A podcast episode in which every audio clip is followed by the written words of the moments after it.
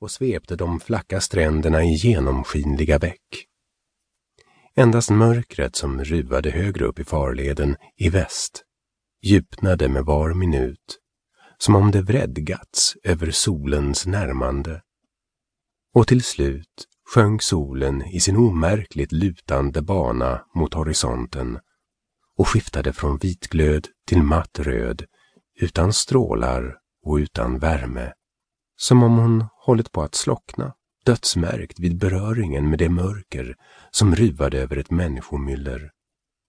Genast for en skiftning över vattnet och stillheten miste sin glans, men djupnade. Den breda gamla floden rann stilla fram i kvällningen efter seklers goda tjänster åt det släkte som befolkade dess stränder och bredde ut sig med den lugna värdigheten hos en vattenväg som leder till världens ände.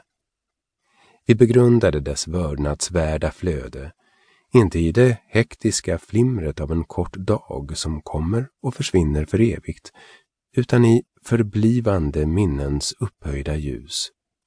Och ingenting är väl lättare för en man som i vördnad och hängivenhet har vikt sitt liv åt sjön, än att just i Themsenmynningen frambesvärja det förflutnas ande. Tidvattnet stiger och faller, ständigt tjänstberett och fyllt med minnen av män och fartyg som det har burit till hemmets vila eller till havets strider. Det hade känt och tjänat alla dessa som är nationens stolthet, allt ifrån Sir Francis Drake till Sir John Franklin, riddare alla, med och utan adelskap, havens mångbesjungna vandrande riddare. Det hade burit alla de fartyg vilkas namn glimmar till som ädelstenar i tidens natt.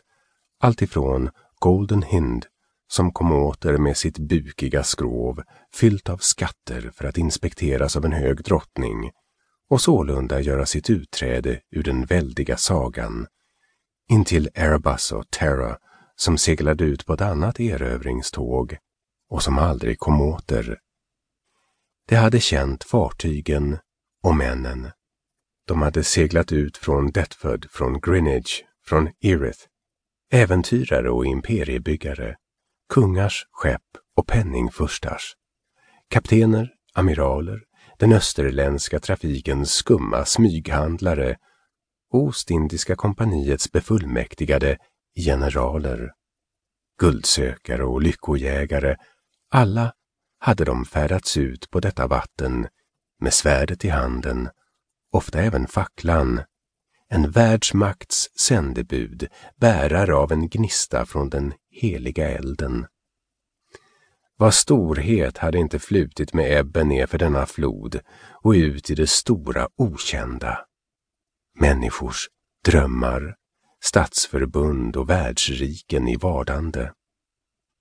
Solen gick ner, skymningen sänkte sig över vattnet och ljusen begynte tändas på stranden. Chapmanfyren, en trebent anordning på en gyttjig ebbremsa, lyste med starkt sken. I segelleden rörde sig skeppslanternor, en livlig ljustrafik i bägge riktningarna. Och längre västerut, uppåt floden, markerades jättestadens plats fortfarande med olycksbådande tecken i skyn, ett ruvande mörker i solskenet, ett kusligt eldsken under stjärnorna. Det här, sa Marlow plötsligt, har också en gång varit en av jordens mörka fläckar. Han var den enda av oss som var kvar på sjön. Det ofördelaktigaste man kunde säga om honom var att han inte var trogen sin typ.